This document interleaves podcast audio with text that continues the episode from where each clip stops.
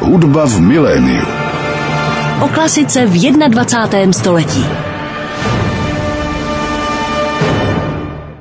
Posloucháte frekvenci 98,7 FM, hudební rádio Klasik Praha a začíná další díl pořadu Hudba v miléniu. Mým dnešním a mým prvním hostem v tomto pořadu je člověk, kterého samozřejmě jste-li pravidelnými posluchači našeho rádia dobře znáte, jednak z dopoledního vysílání, kterým vás provází svým příjemným baritonem, jednak také z tohoto pořadu Hudba v miléniu, který léta moderuje a kde uvítal desítky, možná stovky zajímavých hostů a kromě toho také trochu skrytě jako hudební ředitel tohoto rádia se podílel na, řekněme, té hudební dramaturgické tváři Rádia Klasik Praha můj dnešní host je ale mužem řady dalších aktivit, například ho můžete výdat na koncertních pódiích jako zpěváka a v poslední době se věnuje i pedagogické činnosti na katedře hudebního managementu na Hudební akademii muzických umění.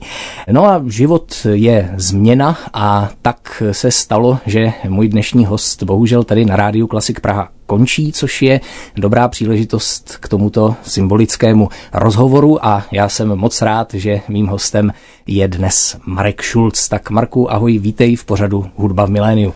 Ahoj Ondro, děkuji za hezký úvod a, a za pozvání, děkuji. Tak začneme asi u rádia, kde působíš, jestli se nemýlím, 15 let. Tak jak ses vlastně k rádiu dostal? Napadlo tě někdy, třeba když si studoval zpěv a hudební management, že budeš jednou rozhlasovým moderátorem? Když už jsem studoval zpěv a management, tak o tom rádiu už jsem nějaké povědomí měl, protože já vlastně ještě, když jsem studoval v Hradci Králové na gymnáziu, tak jsem se tam dostal k příležitosti mít letní brigády ve studiu Českého rozhlasu v Hradci Králové. K tomu jsem se dostal nějakých, podle mě, 16 letech. A to vlastně byla taková moje první zkušenost s rádiem, kde jsem si osahal mnohem víc než tu hudební práci v rádiu, takovou tu redaktorskou, kdy jsem vlastně každý den se musel zabývat nějakým jiným tématem, protože jako elef nebo jako brigádník tam člověk dostane tu práci, o kterou vlastně ti ostatní ostřílení redaktoři moc nestojí. Takže začátky, myslím si, že každého člověka, který byl někdy na konci 90. let v rádiu, tak jsou ankety. Tak já si vzpomínám, jak jsem před obchodním domem v Hradci Králové natáčel ankety na různá témata. Tím jsem si musel projít. Zároveň jsem ještě natáčel na pásek, takže v tom prvním roce mého působení ve studiu Hradec Králové v Českém rozhlasu jsem dokonce musel stříhat ten pásek, což už dneska jsou opravdu historické momenty.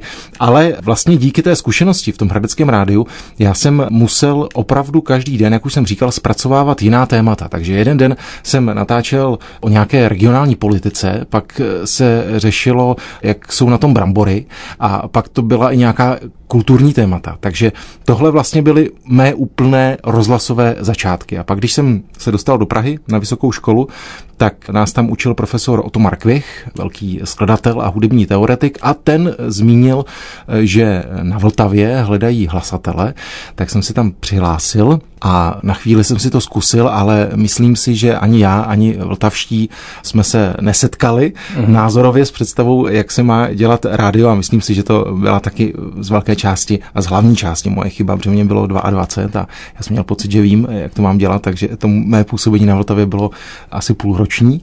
No a pak nějak ta myšlenka usnula a já jsem vlastně se k rádiu Klasik, ještě v té době Klasik FM, se dostal opravdu náhodou, kdy jsem ráno jel do centra Prahy z okraje metrem a v té době byl nějaký ten deník zdarma, jako je dneska deník metro, tak předtím to byl nějaký jiný deník a tam byl inzerát, že v rádiu Klasik hledají moderátora. No, tak jsem se tam přihlásil a uspěl jsem a tak jsem vlastně v klasiku začínal jako moderátor tak to nakonec dobře dopadlo, myslím, pro rádio, pro posluchače a pro všechny.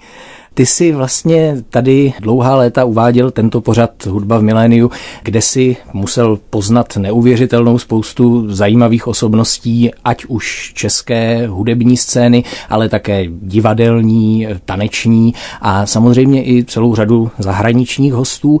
Tak kdyby si měl vzpomenout na některá z takových, dejme tomu, nejzajímavějších setkání, která ti nejvíce utkvěla, jistě to musí být těžké, ale co bylo třeba nejpamátnější?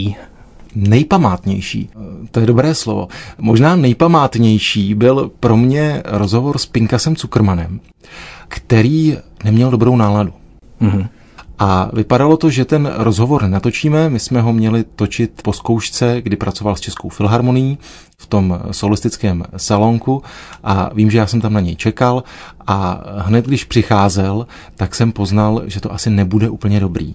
A bylo to velmi náročný, on to nechtěl dělat, ale nakonec se mě ho podařilo přemluvit, ale byl to vlastně rozhovor, na který ne úplně rád vzpomínám, protože, a to byl opravdu, musím říct a potrhnout, že to byl jediný host za celou tu dobu, eh, který který zkrátka neměl dobrou náladu a v rámci toho povídání se to na tom podepsalo. To je až neuvěřitelné, že to byl jediný host z celé té řady.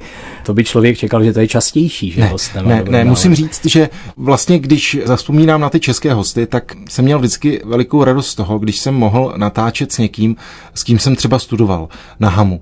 A byli to vlastně mý spolužáci a dneska to jsou slavní muzikanti, ať už je to Jakub Hruša, nebo je to Ivo Kahánek, Adam Plachetka a celá tahle parta lidí, Tomáš Brauner, tak to jsou lidi, se kterými jsem se v té škole výdal. Vlastně Ivo Kahánek bydlel vedle mě na pokoji na kolejích, takže to bylo krásný v tom začátku, že vlastně mě pomohla ta setkávání, ať už z kolejí, nebo z té školy. A potom nastala doba, kdy jsem si troufnul a to je možná to správné slovo, troufnul oslovit i ty zahraniční umělce a samozřejmě nejdřív jsem se strašně bál angličtiny a mám pocit, že na první dva rozhovory jsem šel s překladatelem a pak jsem si říkal, že to nějak zkusím. Vlastně první host, můj vysněný host byl Bryn Terwell, basbaritonista, kterého tobě nemusím představovat. Vlastně jsme si ho pouštěli minulý týden, kdy ty jsi byl mým hostem tak Bryn Tervel byl člověk, ke kterému jsem zlížel už když jsem studoval zpěv na Hamu. A on poměrně často jezdil do Prahy na gala koncerty a já jsem se jednou osmělil k tomu, že jsem promotérku těch koncertů paní Kunertovou z Nachtigal Artists poprosil o rozhovor a ona mi nějak fandila a domluvila mi ten rozhovor, tak to pro mě bylo asi z těch nejkrásnějších setkání a pak vlastně s Brian Tervelem jsme se potkali při natáčení asi třikrát, když byl v Praze ale pak to jsou setkání, na která taky nezapomenu. Napadá mi třeba Miša Majsky, čelista, se kterým jsem také natáčel v Rudolfínu a on vlastně, než jsme se dostali k tomu rozhovoru samotnému, tak on mi na tabletu ukázal fotky všech svých dětí a povídali jsme si jako o rodinném životě a tak. Takže to bylo naprosto milé setkání a pak třeba nikdy nezapomenu na rozhovor s Herbertem Blomstetem, dirigentem, kterému je dnes, já nevím, snad 93 nebo 94 a je... A stále diriguje? A stále diriguje v naprosto jako skvělé formě tak to byl taky moment, kdy opět to bylo v tom dirigentském salonku v Rudolfínu, kdy jsme si povídali a on mi tam najednou začal zpívat motivy z dvořákových symfonií. Jo. Takže to byly věci, které si budu pamatovat navždycky a asi když bych se dál zamýšlel, tak bych těch jmen asi řekl víc, ale možná, co bych podtrhnul, je ta skutečnost, že, a nebudu první, kdo to říká, a jenom to potvrdí to pravidlo, že ti nejslavnější bývají, teď asi není potřeba říkat nejskromnější, ale nejvíc profesionální. Oni zkrátka vědí, že ty rozhovory k té jejich profesi patří. A Oni moc dobře vědí, že na ty otázky, které my jako novináři pokládáme, odpovídali už možná stokrát v případu Myši Majského nebo Herberta Blomsteta, ale oni trpělivě sedí, velmi mile na ně odpovídají, vždy dopředu chtějí vědět, kolik času s nimi ten člověk chce strávit a tolik času mu dají. A to je alfa omega té mé práce, že prostě má možnost se člověk setkávat s profesionály. To je určitě dobrá zpráva i pro mě do budoucna, co si teď řekl.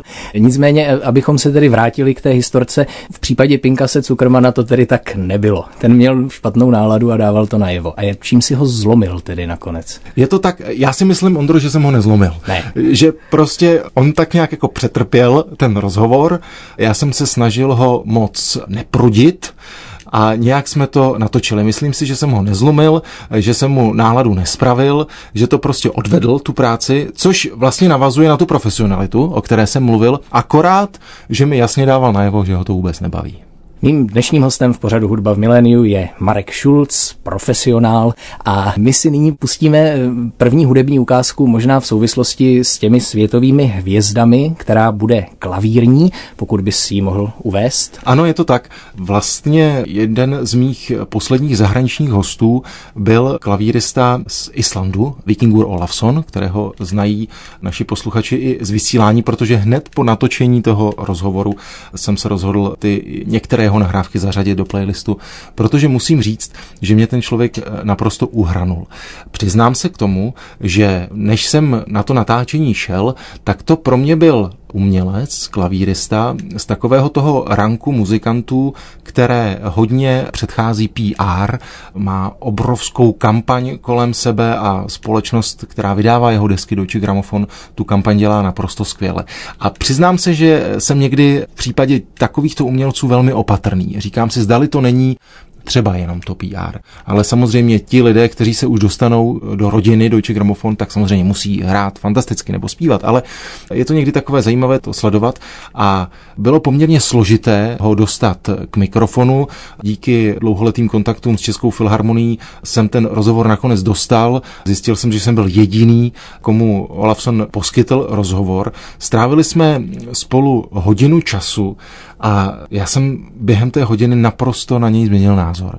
Úplně jsem si ho zamiloval, jeho hraní, jeho přístup k tomu, jak pracuje a nasmírně mě natchnul. A vlastně vzpomínám si na to, že hned ten večer, po tom, co jsem s ním natáčel, jsem doma seděl a pustil jsem si komplet celou jeho desku doma, tu současnou Mozartovskou. Já myslel celou diskografii. Ne, ne, ne, ne, ne. to, ne to ne, to by byl dlouhý večer, ale přiznám se, že to tak nemám, že té muzice klasický se snažím věnovat v práci a večer už třeba nemám takovou kapacitu se na to soustředit, ale tohle to byla prostě výjimka, že jsem nějak byl sám doma a opravdu jsem si to jako celý pustil a pak jsem ještě na YouTube sjížděl ta jeho videa.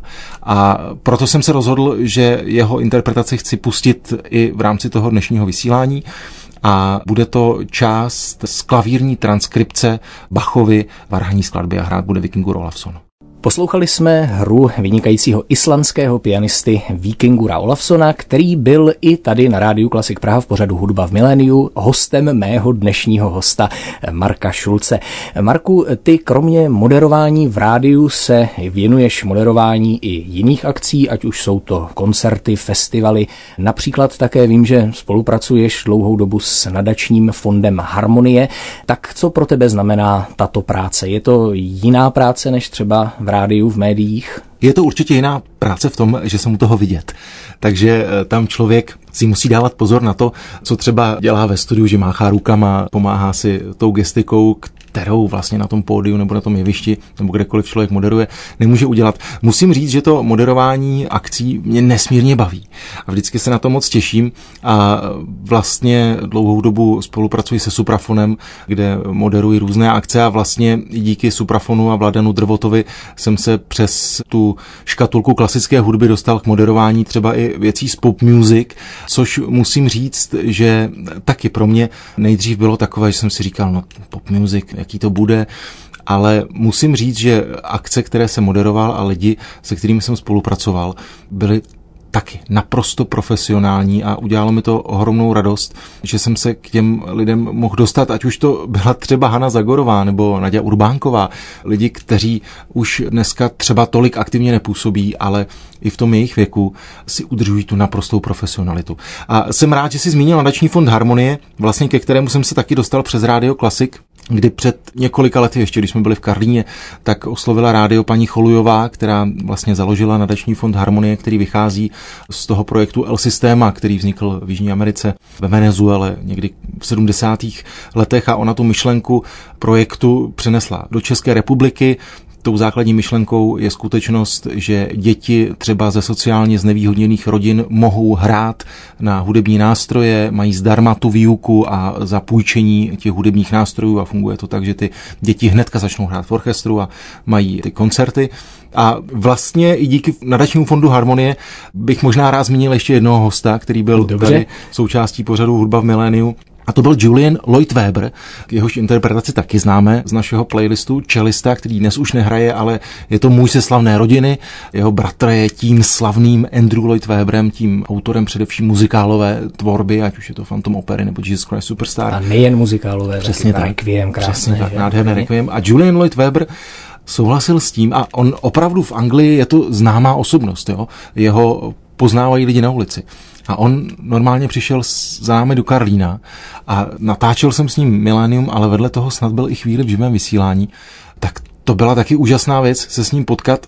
On, a stává se to u lidí, kteří jsou ze slavných rodin, že neradi mluví o té své rodině, ale on naopak mluvil o tom krásném vztahu se svým bratrem a mluvil o tom, jak dlouhá léta hrál na čelo a pak z důvodu zranění a zdravotních komplikací musel omezit to hraní, ale dneska, pokud se nemýlím, tak je ředitelem Královské konzervatoře v Birminghamu a hlavně stále podporuje ten projekt L Systema, takže další známá osobnost, která i díky svému interpretačnímu umění může podpořit věci, které třeba primárně nemusí s tou muzikou souviset. Marku, tvůj hudební vkus posluchači Rádia Klasik Praha samozřejmě do jisté míry znají, protože si tady pracoval jako hudební ředitel a podílel se na té dramaturgii. Nicméně, když už si zmínil tu populární hudbu a to, že si třeba dostal příležitost spolupracovat s některými osobnostmi z této oblasti, tak posloucháš také populární hudbu, případně jakou? A co to pro tebe znamená? Je to třeba odpočinek od té klasiky, nebo to vnímáš ještě nějak úplně jinak? Poslouchám a je to pro mě odpočinek a vlastně od dětství, nebo v dětství já jsem poslouchal vlastně jenom populární muziku a českou muziku, protože moje mamka poslouchala Karla Gota a Helenu Vondráčkovou, takže to byly ty moje hudební základy, ale je potřeba říci, že vlastně v nějakých 6-7 letech jsem začal chodit do chlapeckého sboru Bonipuery v Hradci Králové a tam jsem se vlastně setkával s tou klasickou hudbou. Takže tam mě ovlivňovala, ale co jsem poslouchal, byl pop a já si vzpomínám, že Bonipuery jsem měl jednoho kolegu, Vaška Malého, který Bonipuery založil fanklub Michaela Jacksona v Hradci, takže to jsme byli snad všichni povinně členy fanklubu Michaela Jacksona a, poslouchal jsem ho a pak jsem poslouchal taky Roxette třeba a tak. A vlastně do dneška poslouchám pop jako takový oddech. Musím říct, že si hodně vybírám, jak už jsem říkal v tom minulém dílu, tak já jsem člověk, který má rád melodii, takže i dneska si vlastně vybírám muziku, která třeba vychází z těch zpěváků, jako byl Frank Sinatra nebo Dean Martin a dneska je to třeba Michael Bublé, který se mu věnuje mm-hmm. z části tomu repertoáru, ale dělá i nové věci. A pak musím říci, že můj hudební vkus a to, co poslouchám, hodně ovlivňuje má devítiletá dcera, která samozřejmě u nás doba má prim v tom, co se poslouchá a když by někdo viděl můj playlist na Spotify, co mám v telefonu, tak by rozhodně nečekal, že pracuji v Rádiu Klasik, takže myslím si, že velmi dobře znám texty kapely Miraj třeba, nebo i hudbu Marka Straceného. Tak snad jsme neodhalili posluchačům nějaká hrozná tajemství. A když už jsme mluvili o té populární hudbě, já jsem třeba zaznamenal, že za tvojí éry se tady do playlistu začaly více dostávat skladby, řekněme, takového toho crossoverového směru, kde se ta populární hudba s tou klasickou hudbou nějakým způsobem prolíná. Myslíš si, že tohle třeba je dobrá cesta k popularizaci klasické hudby, která může ten žánr zpřístupnit širšímu okruhu posluchačů? Z části. Z části ano, myslím si, že to může dobře fungovat právě v rádiu typu, jako je naše rádio Klasik Praha, kdy vlastně i díky těm různým crossoverům se k tomu poslechu můžou dostat posluchači, kteří by třeba si jinak to rádio nepustili. A vždy mě jak mile potěší, když někdo ze slovutných interpretů se třeba propojí s někým z toho světa pop music nebo alternativní muziky. Napadá mě teďka Lisa Batiašvili a její deska City Lights, kde vlastně má Katy Melu písničkářku, že jo, asi primárně a udělali spolu ten track London, ale pak to jsou věci, jako je třeba Miloš Karadaglič a ty jeho předělávky těch známých věcí do toho teď nevím, říkám-li to správně, symfonického hávu nebo klasického hávu, vlastně pouštíme i Love of My Life, písničku Freddieho Mercuryho. Pro mě je to tak krásná melodie a je to dobře zaranžované a možná to bys posoudil ty mnohem líp než já, protože já se v tom nevyznám, ale když ta melodie je prostě pěkná, a je pěkně zpracovaná, pěkně zahraná, tak si myslím, že se k tomu rádiu hodí. Nejsem úplně příznivcem takových těch crossoverů, které dělají třeba nějací čeští muzikanti, záměrně nechci říkat ta jména, ale myslím si, že třeba při tom živém hraní to nemusí úplně tak fungovat, jako si myslím, že to může fungovat v tom rádiu. Mým dnešním hostem v pořadu Hudba v miléniu je Marek Šulc. Já myslím, že je čas na další hudební ukázku. Když si zmiňoval, že máš rád melodii, mohli bychom si třeba poslechnout něco melodického? Mohli bychom si pustit něco melodického. Pojďme si pustit, jestli tobě to nebude vadit a posluchačům, tak já bych se vrátil k té písni Love of My Life. Já se přiznám, že jsem nikdy nebyl nějakým velikým posluchačem nebo fanouškem Queenu ale film Bohemian Rhapsody mě naprosto uchvátil a ten film jsem viděl už několikrát a pouštím si ho i doma někdy. A prostě ta písnička Love of My Life mě jako úplně uhranula a proto jsem ji zařadil i do vysílání a proto vlastně bych byl rád, kdybychom si ji pustili i teď. Posloucháte Radio Klasik Praha, pořad Hudba v miléniu. Mým dnešním hostem je moderátor, zpěvák, pedagog Marek Schulz. A právě jsme slyšeli tuto úpravu písně Love of My Life od skupiny Queen. Marku, zmínil jsem, že působíš také jako pedagog na katedře hudební produkce na Hudební akademii muzických umění, kterou si vlastně sám vystudoval. Co tě na učení baví? Co tě na té pedagogické činnosti naplňuje? Tak já jsem poměrně mladý pedagog, teďka vlastně od října začne můj třetí akademický rok, abych to řekl správně. Baví mě to moc, za prvé. Mě to baví z toho důvodu, že se můžu potkávat vlastně dnes už s lidmi, kteří jsou skoro o generaci mladší než já, protože těm mým studentům je třeba mezi 23 a 26.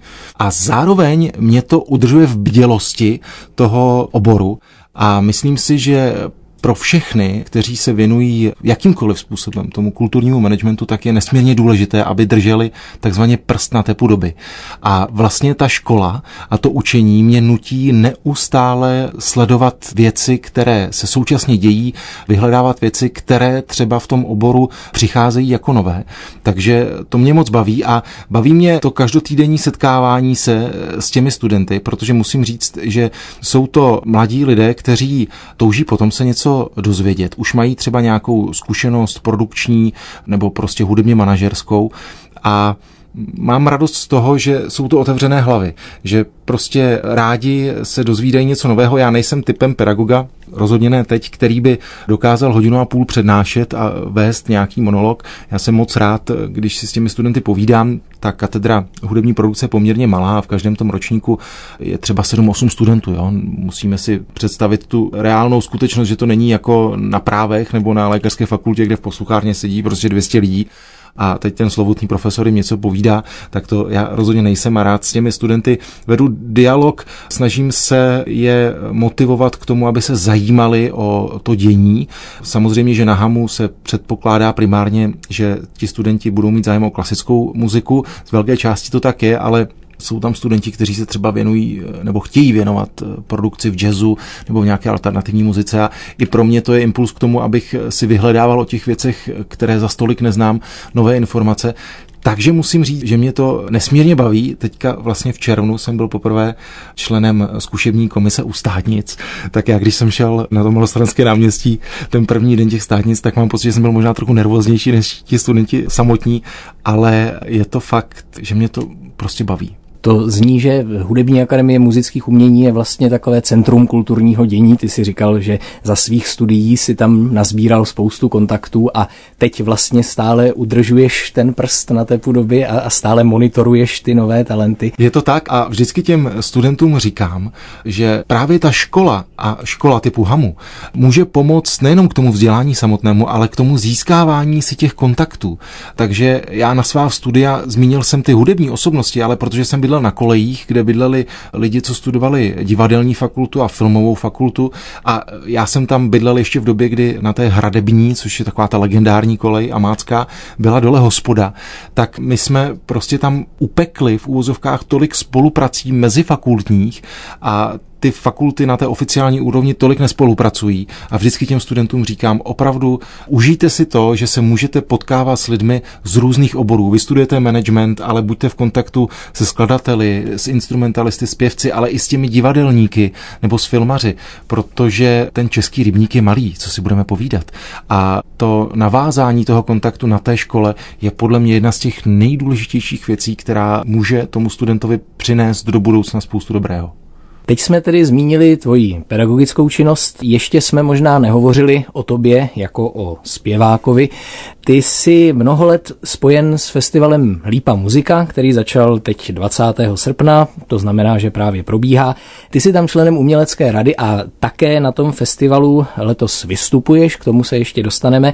Nicméně, co pro tebe znamená festival Lípa muzika? Jaká je tvoje historie ve spojení s tímto festivalem? Já jsem se s festivalem setkal díky osobě Martina Prokeše, šéfa festivalu a zpěváka a dnes mého kolegy z našeho dua Kuhn a vlastně blízkého kamaráda. Já jsem se s ním potkal ve schole Gregoriáně Pragenzis, kde jsem zpíval 14 roků pod vedením Davida Ebena a Martin Prokeš byl mým kolegou a my jsme se v té schole skamarádili a vlastně bylo to v době, kdy já jsem studoval hudební management, protože tak se původně jmenovala ta katedra, kde já jsem studoval, dnes katedra hudební produkce. A protože Martin věděl, že studuju eh, hudební management, tak mě nabídnul, jestli nechci dělat produkčního pro festival a pomoct festivalu. A já jsem to značení přijal a vlastně na festivalu jsem opravdu začínal jako produkční a snažil jsem se tam naučit všechny ty věci, co se týkají toho pořádání festivalu nebo pořádání a zajištění koncertu jako takového. A to pro mě byly ty největší základy toho hudebního managementu. A vlastně pak vedle mého působení v rádiu, kdy jsem se zabýval nějakou dramaturgií, tak mě Martin Prokeš navrhnul, zdali se nechci také spolu podílet na tvorbě toho programu. A do dneška vlastně s Martinem rádi vzpomínáme na to, že některé ty festivalové ročníky jsme vytvořili třeba během koncertního cestování se scholou. Ty sám dobře víš, že v rámci toho uměleckého provozu se plánuje s velkým předstihem, takže my jsme byli se scholou třeba v Paříži nebo v Římě a vedle těch koncertů jsme měli čas při cestování si povídat a vlastně tak vzniklo několik dramaturgií festivalu Lípa muzika. Dnes tu uměleckou radu ještě dovytváří Lucie Johanovská, manažerka a také dáma s obrovským hudebním přehledem a vedle toho každý rok už asi pět roků máme takzvaného uměleckého garanta. Tím prvním byl Radek Baborák, pak to byl Josef Špaček, potom Hazovo kvarteto a v tom letošním roce je to sopranistka Hanna Blažíková, kteří vlastně přicházejí s různými nápady, náměty na festivalové koncerty. Takže taková je teď má role na festivalu Lípa muzika. Musím říct, že je to festival, který vlastně znovu nabídnul posluchačům v regionu Českolipská a dnes také Liberecká Ústeckého kraje podívat se na místa, především sakrální místa, na kterých do té doby nebyly koncerty.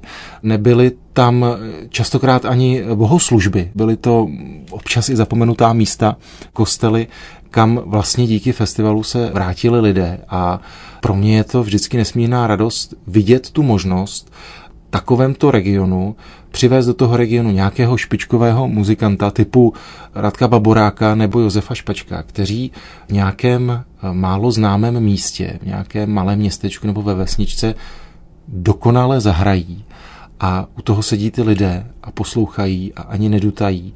A pak bych možná zmínil ještě jednu věc, která se podařila Martinovi Prokešovi a festivalu Lípa muzika, že vlastně dokázala těm lidem dát takovou jistotu ve výběru té dramaturgie a těch interpretů, že třeba to není na první dobrou známé jméno, které na ten festival přijíždí, ale ten festival už má takové renomé a takové reference, že ten posluchač, i když třeba v první chvíli nezná to jméno toho interpreta, které je třeba jinde po světě známé, tak věří tomu festivalu a přijde na ten koncert a odchází obohacen o nové jméno a o nové zážitky.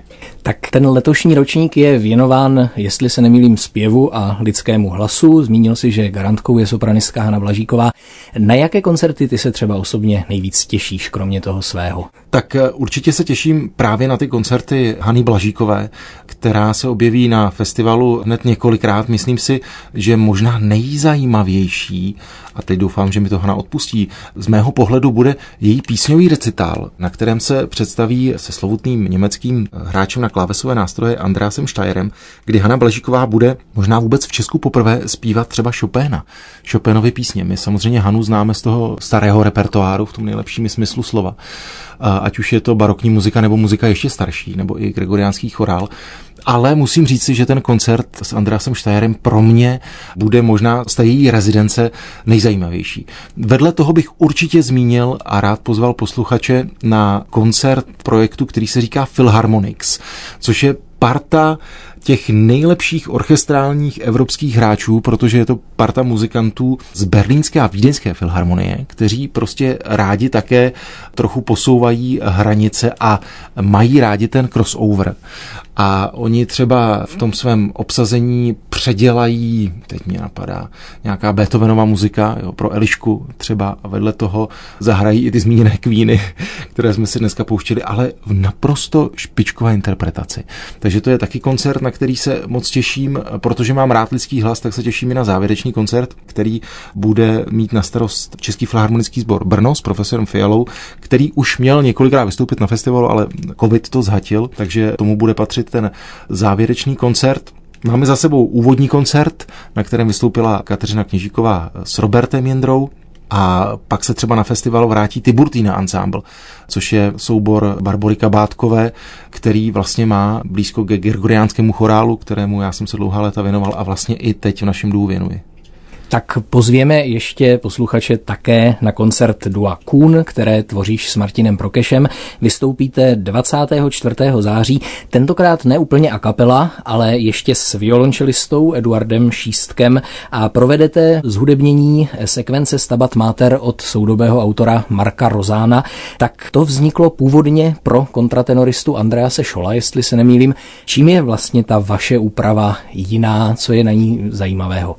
Pro nás s Martinem je asi nejzajímavější na tom to, že se pouštíme vlastně na pole hudební, které nám úplně není vlastní, protože zpíváme hudbu středověkou a teď je to najednou soudobá hudba, ale která vlastně velmi vychází z té historické hudby. Marco Rossano to napsal, jak už si zmínil, pro Andrease Schola. Tam je možná zajímavé říct to, že Marco Rossano a Andreas Scholl jsou dlouholetí přátelé a oni to vlastně tvořili spolu a sám Marco Rossano mi řekl, že to vytvářeli asi 6 let v Bruselu, kde jeden čas oba bydleli. A Martin se natchnul pro tu skladbu, kterou objevil na Spotify a my jsme se pak rozhodli v rámci festivalu Lípa muzika jí nechat zpracovat tanečním souborem Decadencers, takže na tu původní nahrávku Šolovu vznikla z mého pohledu fantastická choreografie s rukopisem Štěpána Pechra a Ondřeje Vinkláta. A my jsme pak nějak komunikovali s Marko Rosánem a Martin mu poslal naší desku Purgácio a on říkal, že by hrozně rád, aby jsme naspívali my ve dvojhlase to jeho Stabat Mater, protože původně v jeho myšlenkách zněly dva hlasy. A tak my jsme se toho chopili a dlouhou dobu, musím říct, že snad skoro rok, jsme přemýšleli o tom, zdali to udělat ve dvou. Udělali jsme si na to takové malé soustředění v Hejnicích, na nádherném místě a zjistili jsme, že bychom byli moc nazí, když bychom byli dva. A tak jsme s Markem Rosánem to konzultovali a nakonec jsme se rozhodli, že bychom to rádi udělali s čelem. Takže Marko Rosáno vlastně tu svou skladbu pro ten kontratenor vlastně upravil pro dva hlasy a čelo a my jsme oslovili Eduarda Šístka, violončelistu z České filharmonie, také nadšence do muziky a máme za sebou už celou řadu zkoušek. Odjeli jsme do Prisku, kde se bude konat ten koncert a strávili tam tři dny práce. No a moc se na to těšíme, jsme z toho lehce nervózní, jak to dopadne, ale budeme moc rádi, když třeba někdo z posluchačů přijede 24. do Prisku. Tak určitě zveme posluchače na festival Lípa muzika a když jsme zmínili Duokun, je to tedy příležitost k další hudební ukázce, tak co to bude? Já bych vybral ukázku z naší první a stále aktuální desky která se jmenuje Purgácio, která vychází z našeho koncertního programu, který vlastně pro nás dramaturgicky vytvořila už zmíněná Barbara Kabátková, který si jako inspiraci vzal Danteho božskou komedii a bude to dvojhlasá věc s názvem Portum in Ultimo. Poslouchali jsme Marka Šulce a Martina Prokeše alias Duo Kuhn, ukázku z desky Purgácio, která je inspirována Danteho božskou komedií, na které mimo jiné také recitoval Vladimír Javorský, pokud se nemýlím. Jak si zmínil, že jste zkoušeli pouze ve dvou a že jste si připadali nazí, já musím říct, když jsem tu desku poslouchal, připadalo mi to neuvěřitelně těžké, že takovou náročnou polifonii zpíváte opravdu a kapela ve dvou lidech. Je to náročné to zpívat dělat? Je to třeba intonačně nebo z hlediska ladění nějak specifické? Ta intonace je určitě náročná. My máme s Martinem tu obrovskou výhodu, že jsme spolu tak dlouho zpívali v té schole u Davida Ebena, kde jsme se vlastně sespívali. A to si myslím, že pro soubor takového typu, kde jsou prostě dva zpěváci, ještě ke všemu dva mužské hlasy, je to nejdůležitější. A my vlastně s Martinem máme poměrně společný pohled na muziku, na tvoření muziky, máme i rádi podobné věci. Takže to nám nesmírně pomáhá v té interpretaci, ta sespívanost a častokrát se nám stane, že když zpíváme spolu nějaký chorál, nějaký jednohlas, tak lidé vlastně nevědí, koho slyší. Že ten mix opravdu se nám, když se nám to podaří, tak zní, jako kdyby to zpíval jeden. Ale samozřejmě ta intonace, to je věc, a teď pokud nás poslouchá někdo z muzikantů, ať už je to instrumentalista nebo zpěvák, tak ví, že ta intonace v tom a kapela zpívání je prostě něco, s čím bojujeme vlastně před každým koncertem, nebo i během každého koncertu snažíme se aby jsme zpívali co nejvíc spolu a aby to ladilo, ale je to, je to věc, která je nesmírně těžká a já vždycky obdivuju zpěváky, kteří dokáží prostě geniálně intonovat, ale i instrumentalisty. Jo? Když si vezmu bachovské svity nebo partity houslové, tak to je věc, která mě vždycky fascinuje a ta intonace, já se předtím skláním. A myslíš, že ta kostelní akustika tomu spíše prospívá nebo spíše škodí? Prospívá. Prospívá, prospívá. 100%. Kývu, hlavou, kývu hlavou, že ano. My, když můžeme, tak zpíváme vždycky v kostele nebo v nějakém prostoru, který má přirozenou akustiku, která nám pomáhá. Už se nám několikrát stalo, a to se nám stalo i ve schole, že jsme přijeli někam na koncert a zpívali jsme třeba v kulturáku. Jo? A to je teda to je neštěstí, protože tam ti nic nepomůže, tam je suchá akustika a pro tu muziku, pro ty věci, které my zpíváme, ať už je to Rozánovo Stabat Mater, nebo ať je to Gregoriánský chorál, nebo Raná polyfonie, tak ta akustika nesmírně pomáhá. Možná jenom velice krátce, jaký ty máš vlastně vztah ke staré hudbě, protože mám pocit, že jako interpret si hodně spojený se starou hudbou, ať už je to baroko, nebo v tomto případě ještě starší hudba. Čím tě oslovuje stará hudba, čím je třeba atraktivní pro dnešního posluchače podle tebe? Čím oslovuje mě, tak to je na jedné straně někdy ta velkolepost té barokní hudby, ale vedle toho i ta někdy subtilnost, jo. Vlastně si odporuju, ale ty víš, jak to myslím. Zkrátka ta stará muzika má tolik tváří a když se podíváme třeba jenom na barokní muziku a máme tady francouzské baroko, německé baroko, anglické baroko, tak je to po každý jiná muzika. Jo? Vedle toho tady máme zelenku, znovu objeveného díky lidem, jako je Adam Viktora nebo Václav Lux, tak to je muzika, která mě vždycky dostane. Pro mě je Bach číslo jedna a pro mě je to opravdu otec zakladatel. A vedle toho ta muzika ještě starší, kterou jsem zpíval ve schole, tak tu jsem se vlastně naučil až díky Davidovi Ebenovi. A vlastně díky kolegům ze scholy, ať už, ať už je to Hasan Eldunia nebo Standa Předotá, náš kolega, který zpívá ve schole a tady vysílá společně s námi, tak vlastně i díky nim a jejich nadšení pro starou muziku jsem se k té hudbě dostal. Posledním tématem, které bych chtěl v dnešním rozhovoru zmínit, je Bedřich Smetana. Ty jsi koordinátorem projektu Smetana 200. Blíží se nám dvousté výročí narození Bedřicha Smetany, které bude v roce 2024 a projekt Smetana 200 připravuje řadu akcí s tímto výročím spojených, tak mohl bys nás na nějaké pozvat? Je to tak, Smetana 200 je projekt, který byl představen vlastně poprvé už v loňském roce, říkám-li to správně, během festivalu Smetanova Litomyšl, kdy Aleš Březina, kreativní šéf projektu Smetana 200, zmínil tu myšlenku, že v tom roce 200. výročí bychom mohli se na smetanu podívat trochu podrobněji a možná i trochu jinak. A trochu odmítizovat možná toho fousatého skladatele, kterého známe třeba z učeben hudební výchovy, známe ho možná z popisku náměstí a ulic, ale je to muž, který byl opravdu zakladatelem národní české hudby. On byl typem, který se nebál hledat nové věci, nechával se inspirovat tím, co v jeho době bylo ve světě, ať už to byl Liszt, nebo to byl Berlioz, nebo to byl Wagner. A myslím si, že to odmítizování toho smetany, kterého samozřejmě známe díky dokonalé mé vlasti a známe ho třeba díky prodané nevěstě, to je cíl toho projektu. Ten projekt má několik částí, většina z nich proběhne v tom roce 2024. Podílet se na nich bude hned několik pořadatelů. Velkým hybatelem nebo velkými hybateli jsou Česká filharmonie, festival Smetanova Litomyšl a samotné město Litomyšl ale budou to projekty, které možná nebudou primárně hudební. Bude to třeba akce s názvem Proč bychom si netančili, což bude taková soutěž pro amatérské tanečníky, zaměřená na mladé tanečníky ve věku od 6 do 26 let, především asi ze základních uměleckých škol, ale i pro studenty konzervatoří. To bude, pak to budou projekty jako Nová knížka, o kterou by se měl postarat Pavel Kosatík. Je to zamýšlený film v koprodukci České televize, ale pak to jsou taky věci, na které já se nesmírně těším a to je vývoz té Smetanovy hudby do zahraničí. Jsou plánované akce v Carnegie Hall v roce 24 ve Wigmore Hall v Londýně a Smetanova letomyšl jako festival navázal spolupráci s organizací Opera Europe, což je veliká organizace, která teď v červnu měla zasedání v Praze. A my bychom byli velmi rádi, kdyby slavná operní divadla si v tom výročním roce vzala do repertoáru některé Smetanovy opery a aby to třeba nebyla pouze prodaná nevěsta nebo třeba Dalibor.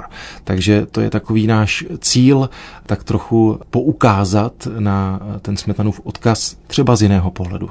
Tak my na závěr našeho dnešního pořadu bychom si mohli poslechnout hudbu Bedřicha Smetany, skladatele, který je všem známý, ale možná o něm vlastně máme trochu zkreslené představy a ty se nám právě projekt Smetana 200 pokusí opravit. Tak Marku, jakou hudební ukázku od Bedřicha Smetany si vybral? Říkal jsem si, že bychom mohli vybrat nějakou ukázku z jeho klavírní tvorby, která není zas tak známá, ale přitom je nesmírně bohatá. Říkám-li to správně, tak všechny ty jeho solové klavírní věci se vejdou snad na 8 CDček, takže možná jednu z nich bych vybral. Dozněla další hudební ukázka ze Smetanova klavírního cyklu Sny. Jsme teď v pořadu Hudba v miléniu poslouchali čtvrtou část nazvanou V salóně, jak ji nahrál český pianista Jan Bartoš. Dnešní pořad Hudba v miléniu se blíží ke konci a já jsem moc rád, že mým dnešním hostem byl právě Marek Schulz, člověk, který tento pořad řadu let připravoval a který bohužel z Rádia Klasik Praha odchází. Marku, moc děkuji, že jsi přišel k nám do studia a doufám, že se s tebou budeme setkávat nejenom já, ale i posluchači v rámci tvých dalších aktivit a přeju ti v nich hodně úspěchu. Ondro, já děkuji za pozvání. Bylo mi ctí dlouhou dobu se věnovat tomu pořadu a klasik byl, je a bude mou srdcovou záležitostí. Tak ať se daří tobě, ať se daří rádiu. Díky moc. Naslyšenou. Hudba v miléniu.